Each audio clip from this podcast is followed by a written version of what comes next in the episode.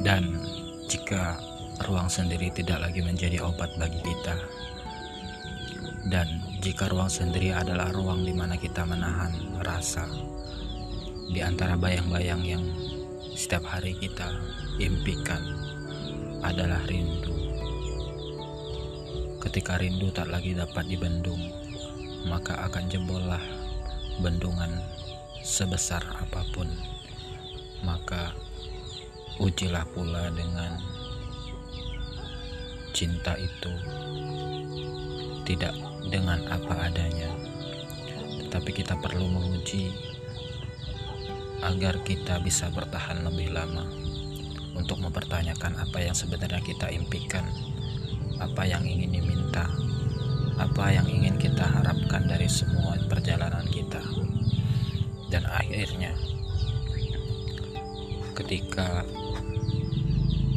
yang tidak ada apanya. Atau apa adanya.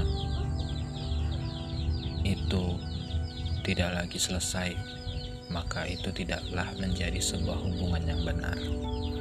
Karena hubungan yang benar adalah tidak bisa tanpa cinta. Kita harus meminta seperti halnya tulus mengatakan, "Jangan cintai aku apa adanya."